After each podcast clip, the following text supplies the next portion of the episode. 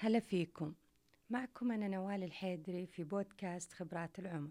أثير معكم في كل حلقة موضوع يهمنا نتحدث فيه نناقشه ونستخدم خبراتنا ومطالعاتنا لفهمه والتعمق فيه. موضوعنا اليوم بعنوان لماذا يتخلى عنا الأصدقاء؟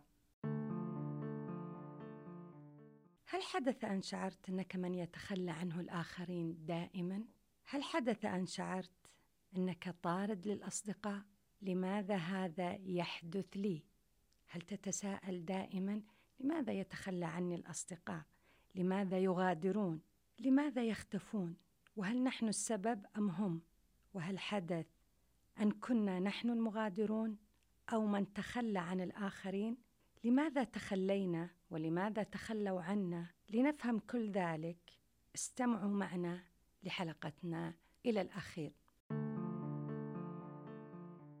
طبعا إحنا بشر وكائنات اجتماعية نحتاج البعض ولا نقدر نعيش بدون الآخرين وخاصة الأصدقاء اللي نفتح قلوبنا لهم نتوقع منهم الدعم عندما نحبط عندما نشعر بالألم نحتفل معهم عندما ننجز. ولكن هذا لا يستمر بالأغلب لا يستمر لأن نحن نتغير وهم يتغيرون. بمرور الزمن بتغير مجالات حياتنا المختلفة افتراقنا وافتراق أهدافنا نحن نتغير وهم يتغيرون ولكن تغيرنا لا يكون بدرجة واحدة ولا نوع واحد لذلك نغادر ويغادر الأصدقاء ولكن قبل ما نتعمق في هذا الموضوع مين هم الأصدقاء؟ مين اللي ممكن نطلق علينا صديق؟ وش الصداقة؟ طبعا في تعريفات كثيرة للصداقة وفيه آه شرح معين الناس يقولونه عن الصديق هل هم اللي يسعدونا؟ هل هم اللي يفرحونا؟ هل هم اللي ينتقدونا؟ زي ما يقولون هل هم اللي يقولون لنا الحقيقة دائما هم الأصدقاء لو حاولنا نعرف آه، تعريف الصديق أو الصداقة الصداقة كثير من آه، المعاجم الموسوعات آه، عرفتها. مثلا في عندنا موسوعة المصطلحات في العلوم الاجتماعية والمعجم الفلسفي أيضا يقولون الصداقة هي علاقة عطف مودة بين الأشخاص تقوم على الاختيار والتفضيل ومنشأها التعاطف والمشاركة في الميول والاهتمامات وأساسها المساواة. تقوم على الألفة والمخالطة. وهذا التعريف يبين لنا أن إحنا متى نطلق على الشخص أنه صديق إذا كان بيننا علاقة عطف ومودة إحنا اخترناهم. وأيضا في بيننا مساواة أو في بيننا آه تشابه في آه الميول والاهتمامات. أساسها عشان تستمر نحتاج إحنا نتخالط معهم ويكون بيننا ألفة. ومن العلماء آه، اللي تكلموا عن الصداقة آه، الغزالي وأيضا هو تأثر بالفيلسوف اليوناني أرسطو واتفقوا اثنينهم على أن الصداقة مهمة آه، في حياتنا. أرسطو الفيلسوف اليوناني قال الصداقة هي ضرب من الفضيلة وهي وسط بين قبول الناس ورفضهم. فمن كان مقبول عند أمثاله هو الذي تصلح صداقته والذي ينفر منه الناس لا يمكن أن يصادق. وقسم أرسطو أيضا اتفق معه أبو حامد الغزالي أن دوافع الصداقة ثلاثة. أما صداقة منفعة اللي هي علاقة قائمة على الفائدة المتبادلة وتنتهي بزوالها. أو صداقة متعة تقوم على المرح وتبادل الأنس أيضا تنتهي بزوالها. وصداقة الخير قائمة على الخير خالية من أي غرض وتقوم على الاشتراك في القيم والمبادئ. هذا يبين لنا أن النوعين آه، المتعة والمنفعة وصفها بالصداقات العرضية اللي سرعان ما تنقطع عندما تنتهي أغراضها. وأيضا قال إن الصداقة الحقة هي صداقة الخير والصداقة المزيفة اللي هي صداقة المنفعة والمتعة. إذا فكرنا بعض الصداقات من الأفضل أن تنقطع ومن الأفضل أن يتخلوا عنا أو نتخلى عنهم لأن صداقتهم كانت وقتية وتنتهي وأحيانا مؤذية خاصة صداقة المنفعة إذا آه، بولغ فيها وصارت من طرف واحد. هل في شروط ليكون الشخص اللي قدامي صديق؟ طبعا نرجع ونقول قالوا الفلاسفة من ضمنهم أرسطو أن من شروط الصداقة أن يكون فيها تساوي ما يكون واحد مسيطر على الثاني مثلا واحد آه، أقوى من الثاني في الإمكانيات في ال الإمكانيات المادية في المنصب في آه، المستوى الاجتماعي في المستوى الاقتصادي. هنا يكون في خلل. أي إذا التساوي أيضا أهلية الصداقة. أنه يستحق أن يكون صديق وأنا أستحق أن يكون صديقة مؤهلين نحن نكون أصدقاء. أيضا من الأمور اللي لابد أنها تتوفر في الشخص عشان يكون صديق أن يكون بيننا ثقة متبادلة. ثقة متبادلة عندما آه، يتضح العكس خلاص تنكسر الصداقة.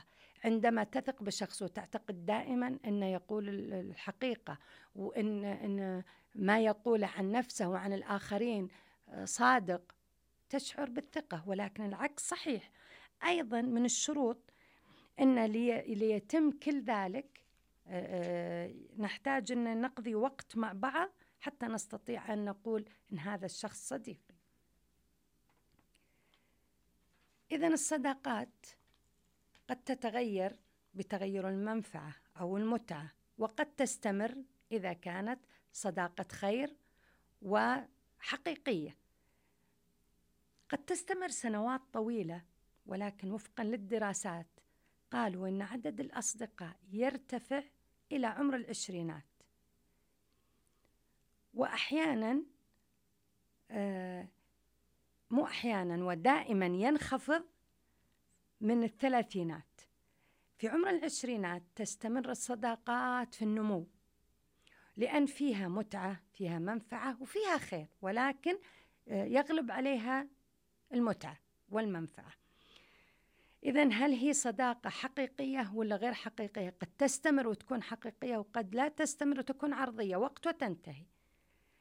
أحيانا هي لا تستمر بسبب اختلاف العوالم للأشخاص في بعد من بعد العشرين يكون هناك عوالم مختلفة نوع الدراسة بعد التخرج نوع العمل مكان العمل أيضا شخص ارتبط وكون عائلة وشخص لم يرتبط أو شخص الارتباط جعله يبتعد وشخص الارتباط لم يؤثر فيه ولكن العوالم تغيرت.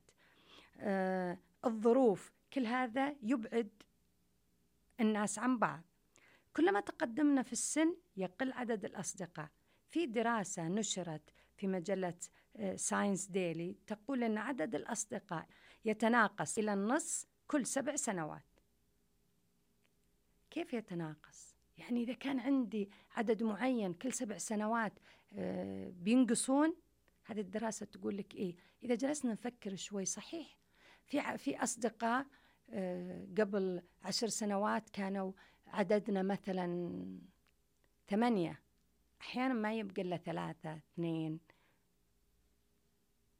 هل السبب عندهم ولا السبب عندي؟ لكن ممكن نرجع اللي قالوا عليه الفلاسفة أنه قد يكون صداقة منفعة أو قد تكون صداقة آه، متعة فقط. وأيضا ممكن نفكر هل إحنا بذلنا الجهد لتستمر هذه العلاقة؟ هل عدم بذل الجهد يجعلها لا تستمر؟ أم مثل ما قلنا اختلاف العوالم. أيضا في الدراسة نفسها تقول إن من هم في عمر العشرينات يتواصلون في الشهر الواحد مع حوالي 19 شخص وفي الثلاثينات يقل إلى حوالي 15 عند مرحلة الشيخوخة قد يصل إلى الستة أشخاص أحيانا أقل. ولكن في هذه المرحلة اللي هو يزداد التواصل مع الأبناء والأحفاد ويقل مع الأصدقاء. هل هذا السبب آه أن ينخفض عدد الأصدقاء في مرحلة منتصف العمر وفي الشيخوخة بسبب صعوبة الدخول في علاقات جديدة؟ أم صعوبة بذل جهد لاستمرار علاقات قديمة لأنها تحتاج رعاية تحتاج اهتمام؟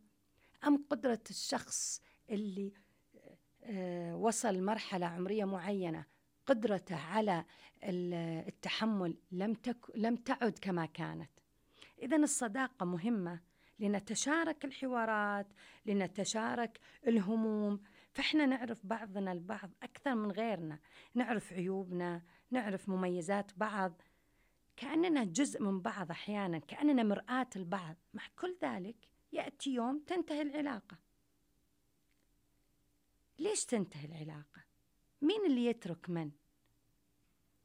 اللي يشعر بالتغير ولا يتحمله ممكن يترك اللي كان سبب علاقته فيك مضطر بسبب منفعة معينة بسبب وضع معين هو اللي قد يترك وأحيانا من يترك اللي يلاحظ أن الآخر صاحب متعة ومنفعة فقد يقرر هو أن ينسحب هو أن يتخلى عن الآخر أو من يشعر أن العلاقة غير صحية علاقة منهكة من يتعب من العطاء أو من آه، يحتاج دائما أن يفسر ما يقول يفسر ما يتصرف لأن الآخر شخص دائما تحليلاته خاطئة.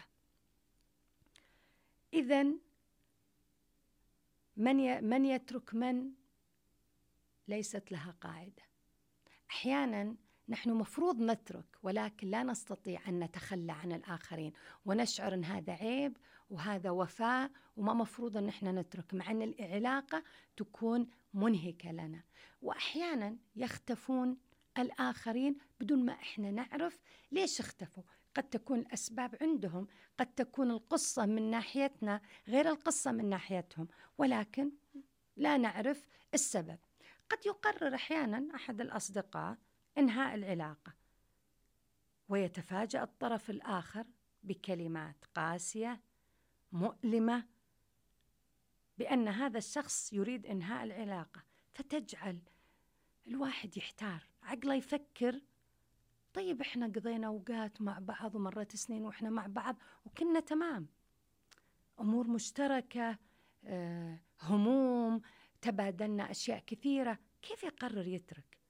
اذا آه، عقلك يحاول يفكر لكن أيضا القلب يتألم من من اللي صار. ليش؟ ليش هذا اللي صار؟ ليش آه هذا الشخص قرر؟ ليش هذا الأمر حدث؟ ماذا نفعل؟ هل نناقش بالمنطق والعقل؟ وش الأسباب؟ وش الحجج؟ ليش أنت قررت تتركني؟ أو تترك العلاقة عموما. أحيانا إحنا نوقف ما نقدر نتكلم لأن نشعر إن كلماتهم أشعرتنا بالذنب وان إحنا أخطأنا في حقهم. اذا هل آه، ناقش ولا آه، إذا ناقشنا ما تكون بحجج ومنطق نحاول نراعيهم ونهديهم. وأحيانا كثر المراعاة تفهم إنها اعتراف إني اعترفت بالذنب إني أنا أخطأت. طيب التفكير يبدأ مخي يشتغل هل أنا مذنب؟ هل أنا كنت قاسي؟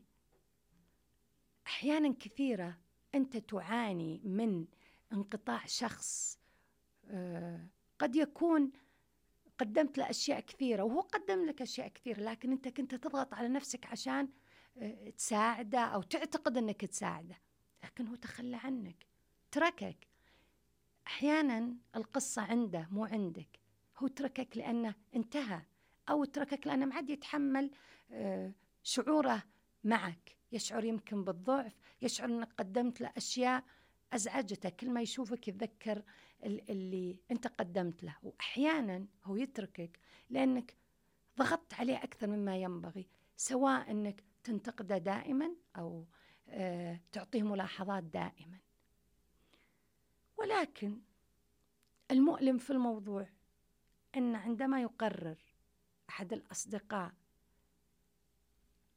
أن يبتعد وينهي العلاقة ويتخلى لا يتكلم.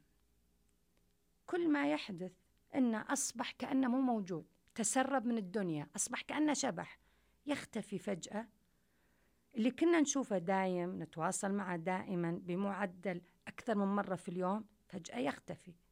يختفي من من آه، حياتي. أشعر إنه اختفى من الحياة عموما. قد نحزن إذا أخبرونا برغبتهم في إنهاء الصداقة لكن المؤلم الأكثر هو الاختفاء دون تبرير. هذا يعتبر قسوة وإهانة للطرف الآخر. ممكن هي سهلة للي قطع العلاقة وأريح له من المواجهة ولكنها أصعب على الطرف الآخر. فالصمت وعدم معرفة ماذا حدث للصديق مؤلم يؤثر على تقديرنا لذاتنا أحيانا. تبدأ تلوم نفسك. ليش أنا الناس ما تبغاني ولا أنا غلطت؟ نشعر بالذنب وكأننا إحنا جرحناه أو سوينا شيء بدون ما نقصد. ليش؟ وش صاير؟ ليش ما يرد على اتصالي؟ ليش ما يرد على آه، رسائلي كأنه غير موجود؟ هو يتوقع أنه على أساس هدفه لتجنب إيذاء مشاعرك. ولكن هو عمل سهل له. ولكن في عدم احترام للآخر. وضعف منه. لأنه تجنب محادثة قد تكون صعبة مؤلمة قاسية فيها عواطف فيها ردود قد تكون مؤلمة لإثنينكم. إذا كان الواحد ما يبغى الاستمرار يخبر الآخر مهما كان الأمر صعب ولكن ما يكون أصعب من شعورنا بالتخلي مع عدم وجود تفسير أو شرح أو إغلاق لهذه القصة أو لهذه العلاقة. يقال الناس قد تنسى ما قلت أو قد تنسى ما فعلت ولكن لا تنسى كيف جعلتهم يشعرون. ماذا آه، يحدث لنا عند اختفاء الأصدقاء أو تخلي الأصدقاء أو تساقط الأصدقاء؟ إحنا نمر بمراحل طبعا هي تختلف من شخص لآخر على حسب نضجه على حسب وعيه على حسب اتزانه النفسي. أه ولكن نمر بمراحل معينة. أول ما يصير الحدث إن اختفى الشخص ولا قال أنا خلاص بترك العلاقة؟ نشعر أول شيء بعدم التصديق. وش صاير؟ ليه؟ وش صاير؟ وش اللي خلاه يقول كذا؟ بعدين الصدمة والإنزعاج وعدم التصديق تتحول إلى شعور بألم وخسارة. وش نتذكر اللي صار؟ اللي مرينا فيه من الذكريات الحلوة وبعدين نحاول نتذكر وش صار؟ خلانا آه، نصل هذه المرحلة. بعدين أبدأ ألوم وش فعلت أنا وش الأشياء اللي سويتها عشان تركني وش سبب الترك بعدها أبدأ أفكر أشعر بإحراج أشعر بخجل هل أنا طارد؟ ليش أنا دائما يتركوني الأصدقاء؟ أو يتركوني الأشخاص اللي أنا أعرفهم؟ ليش ينقطعون بدون مبرر؟ أشعر بخجل من نفسي أشعر بأني ما أبغى أقول للناس أن فلان انقطع وفلانة انقطعت. بعدها أشعر بغضب. أنا قمت بكل شيء وسويت كل شيء. ليش ليش هي تنقطع عني ولا هو ليش ينقطع عني أنا في الموقف الفلاني وقفت معها أنا وفي الموقف الفلاني وقفت معها وكان بيننا فتحت لها بيتي فتحت حياتي كل الأمور هي تعرفها ولا هو الشخص إذا أنت آه، علاقتك بال أنا أقصد كرجال كان بيننا تجارب كان بيننا أمور مشتركة كيف يترك؟ بعدها نمر بهذه المراحل بعدها ما, ما عندنا غير أن نقول خلاص أنا سويت اللي أقدر عليه خلاص أتقبل اللي قاعد يصير ما يحتاج أفكر كثير ولا أحلل. بعدين تجينا مرحلة نشعر بالراحة يمكن خيرة. يمكن أفضل وأكثر منطقية إن إن إن إحنا قطعنا. وأبدأ أصير أكثر منطقية لأني أبدأ أفكر أنا ما فقدت شيء ما فقدت شيء. لأني أبدأ أرجع هل هو كان آه الصداقة كانت صداقة خير وبيننا أشياء مشتركة كثيرة؟ ولا هي صداقة منفعة؟ ولا هي صداقة له سعة صدر وتغيير جو؟ طبعا إحنا نعرف إنه ما في أحد كامل. ما في أحد كامل في بعض الأشخاص يجتمع فيهم الثلاث أشياء وهذا الطبيعي أنه بيننا أمور مشتركة وقيم ومبادئ وبيننا خير كثير ونغير جو مع بعض وننتفع من بعض. هذه الأمور الطبيعية ولكن إذا غلب عليها المنفعة ولا فقط المتعة وإذا ما أنت مستمتع ما عليك مني ما عاد تبغاني ولا أنا إذا إذا أنا أبغاك فقط في هذا الجانب إذا هذه ما صارت صداقة. الصداقة اللي بتستمر وبتنمو وفيها مرونة في التعامل فيها قبول الآخر كما هو. الصداقة إذا ما أنا أتكلم قدام الشخص اللي قدامي بدون ما أفكر بدون ما أقول شلون بيحلل إذا الصديق أكون حذر معه كل كلمة أقولها وشون بيحللها وبيطبقها على نفسه إذا ما هو بصديق. هذا شخص متعب. أحيانا في بعض الأصدقاء آه، يقولون لنا أشياء نستغرب ليش قالوها. فنروح ننقلها للمقربين منا من العائلة مثلا. يستغربون أوف فلانة قالت كذا أو فلان قال كذا عنك. شلون؟ هو هو ما يفهمك صح. نبدأ إحنا نبرر. لا لا لا هو ما يقصد. لا هو ما يقصد كذا. طبعا لأن إحنا ما ما كنا نشوف منا منتبهين. أحيانا في رسائل ترسل لنا ما نسمعها. بعد ما يقطعون ولا يتخلون ولا يختفون نبدأ نقول كانت في علامات تبين إنهم غير حقيقيين. في داخلهم شيء ما أدري وش اتجاه العلاقة بس إحنا ما شفناها. لذلك إحنا إذا فكرنا ان إحنا الغلط. إحنا اللي ممكن آه، ما شفنا. إحنا اللي ما انتبهنا. ما مفروض نلوم نفسنا بزيادة لأن أحيانا نرجع ونقول في أمور إحنا ما شفناها لأننا شفنا فقط الجانب اللي إحنا نبغى نشوفه. لكن إذا سيطرت علينا إن إحنا دائما مختلفين ما نتناسب مع أحد ليش أنا دائما اللي يتركوني الناس؟ ليش هذا يحدث لي ويتكرر كل فترة؟ إذا فكرنا كلنا أعتقد ومعظمنا في كل مرحلة من مراحل حياتنا يتغير الأصدقاء. يعني في ناس يبدون معنا من المدارس وبعدين في الجامعة وبعدين بالشغل بعدين فجأة ينقطعون. وش اللي صار؟ أنا وش سويت لهم؟ من من المنطقي إن إحنا ما نرجع كل شيء لأرواحنا. لازم نفكر. قبل ما أقول أنا طارد للأصدقاء أو هل أنا أقوم بأمور تزعجهم؟ هل أنا مثلا آه، بزيادة أبالغ في حمايتهم ولا في إني أشعر إني مسؤول عنهم؟ أو هل أنا شخص أخشى من قرب الآخرين. في كل ما اقتربوا مني آه، حاولت أبعدهم بشكل غير مباشر. لا يتدخلون لا يعرفون. اذا عندي شيء. هل أنا أخجل من نفسي إن في أمور في حياتي ما أبغى الناس تشوفها؟ في الناس إذا دخلت آه، فترة بعدين حسوا إني ما دخلتهم بعمق تركوني. نحتاج نتساءل. وش مصدر هذه الأحكام؟ ولا هذه الأفكار اللي أنا أطلقها على نفسي هل هي صحيحة ولا خاطئة؟ هل أنا أفكر تجاه نفسي آه، تفكير سلبي؟ هل أنا أفكر أني أنا غير محبوب ما يبوني الآخرين؟ هل أنا اكتسبت من عائلتي الحذر المبالغ فيه ووضع حدود صارت حواجز معي ومع الناس عشان كذا الناس تبتعد عني؟ آه، هل أنا دائما أرى السوء في الآخرين أكثر من الجوانب الزينة في الناس؟ أو أنا ما أقدر نفسي حق قدرها ولا أختار الأصدقاء المناسبين؟ أحيانا توقعي للتخي... للتخلي يحدث. أتوقع التخلي من الآخرين فيتخلون عني. قد يكون أنا ما بذلت جهد أو ما أبالي بنمو العلاقة. ولكن تذكر وتذكري. مو دائما إحنا مسؤولين. إحنا نقيم أنفسنا. لابد إنك تقيم نفسك. مثل ما أنت مثل ما ناقشناها تو تساءل هل أفكاري عن نفسي صح أو لا؟ وتعامل معها. لكن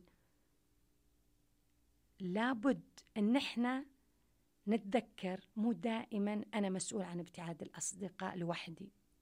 نرجع ونقول لأن للجميع قصة مختلفة عن قصتك.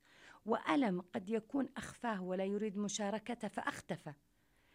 أيضا طبيعة الصداقات والعلاقات غير دائمة. وفي ناس يقولون الصداقات موسمية وفي ناس يقولون لنا أن قد تستمر الصداقات ولكن يتغير نوعها يتغير عمقها يتغير طريقة تعاملنا فيها. إحنا نستحق المحبة من الآخرين. ونستحق عدم الرفض وعدم التخلي. ولكن لابد أن نفهم أن تعدد المشاغل وأنواع الحياة اللي إحنا نعيشها تخلي الناس يبتعدون مو هدفهم التخلي ولكن قد قد يكون لأهداف أخرى. أيضا الصداقة ترى ما فيها عقد رسمي. وما مفروض إحنا نتوقع أنها ما تنتهي إلى الأبد. وإن انتهت صداقة في صداقات كثيرة في الدنيا. نؤمن بالوفرة في, في كل شيء حتى في العلاقات. فالصداقة لتنمو تحتاج اهتمام من الطرفين لتستمر. لأنها إحنا عندما نتغير وتتغير حياتنا يتغير عملنا تتغير آه حياتنا في الارتباط في وجود الأبناء في تعقد العلاقات الاجتماعية. أحيانا نجعل الصداقة مهي بأولوية وممكن نفقدها. وإذا حاولنا نرجع مرة ثانية يمكن ما يتقبلون الآخرين اللي إحنا تركناهم بدون تعليل.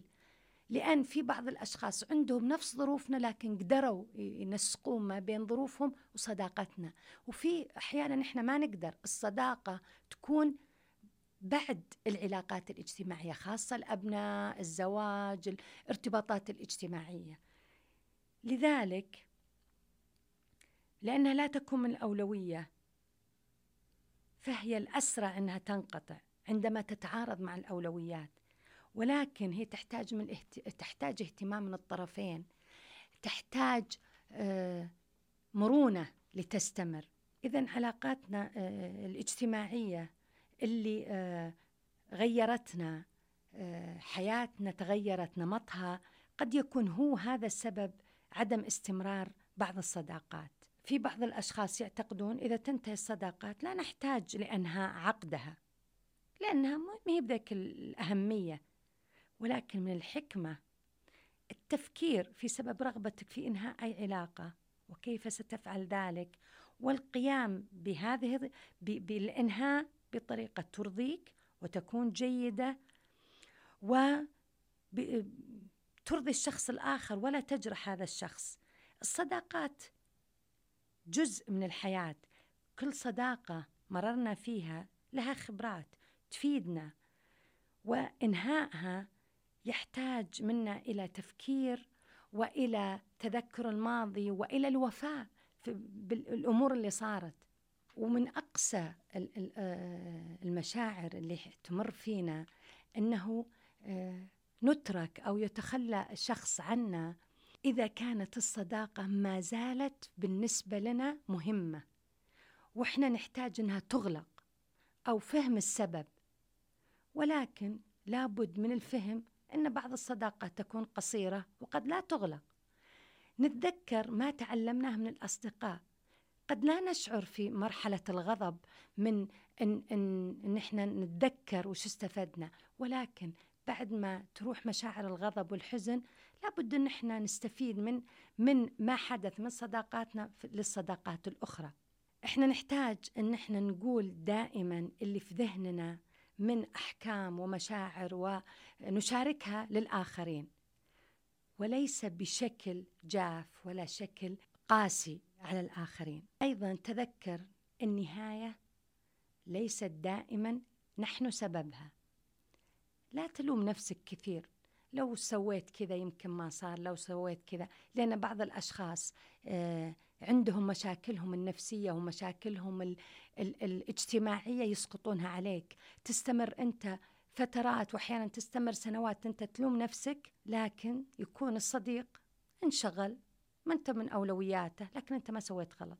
هو انسحب كذا لأنه ما كان عنده القوة أنه يواجهك. الصداقة المتوازنة الحقيقية تستمر بغض النظر عما فعل كل واحد منكم لأن كل واحد منكم يعرف أن الشخص اللي قدامه مو هو ملاك ولا هو كامل.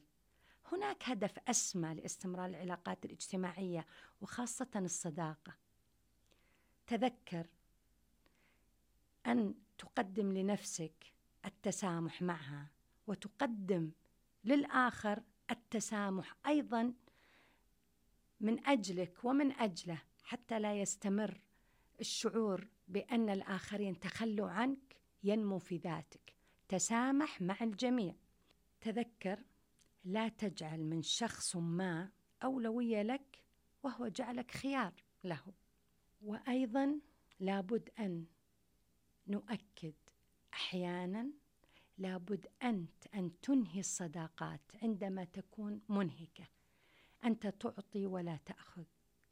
أو أنت دائما يفسد عليك وقتك ويفسد عليك مزاجك أو يشعرك بالحزن والغضب دائما. أو تحدث مواقف تشعرك أنه لا يثق فيك ويؤذيك أكثر مما يسعدك. تذكر دائما أنك تحتاج أن تستجيب لهذه العلاقة المؤلمة بشكل معين. الاستجابة أن تضع حدود تحمي فيها نفسك. وهذه الحدود أما أن تست... تنسحب بشكل تدريجي أو تتحدث مباشرة دون تجريح دون لوم أو اتهام فقط أن تشرح نفسك بحزم ولباقة احتراما لتاريخ هذه العلاقة. وتذكر الدنيا مليئة مليئة بالناس الجيدين. تذكر أن هناك صداقات قد تكون تركتها وهي تستحق أن تنمى. قد يكون لديك أصدقاء كثر لم لم تنتبه لأهميتهم. والشيء المهم أنت لست وحدك الذي يترك الأصدقاء. فهذا من الأمور الطبيعية اللي تحدث مع الآخرين. تذكر دائما الصديق هو هدية تقدمها لنفسك. فأي من أنواع الهدايا نفسك تستحق. شكرا لكم. يقال اقرأ ما ينفعك ونضيف انتفع بما تقرأ وتسمع.